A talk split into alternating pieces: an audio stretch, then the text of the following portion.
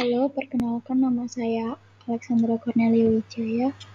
Biasa dipanggil Caca. Saya asal da asal SMP dari SMP Kamaria Fatima Jember. Saya akan menjawab pertanyaan dari GC.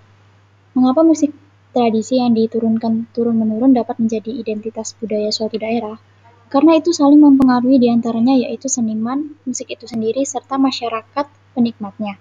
Juga menjadikan musik tradisional sebagai per perbendaharaan seni di masyarakat sehingga lebih menyentuh pada umum.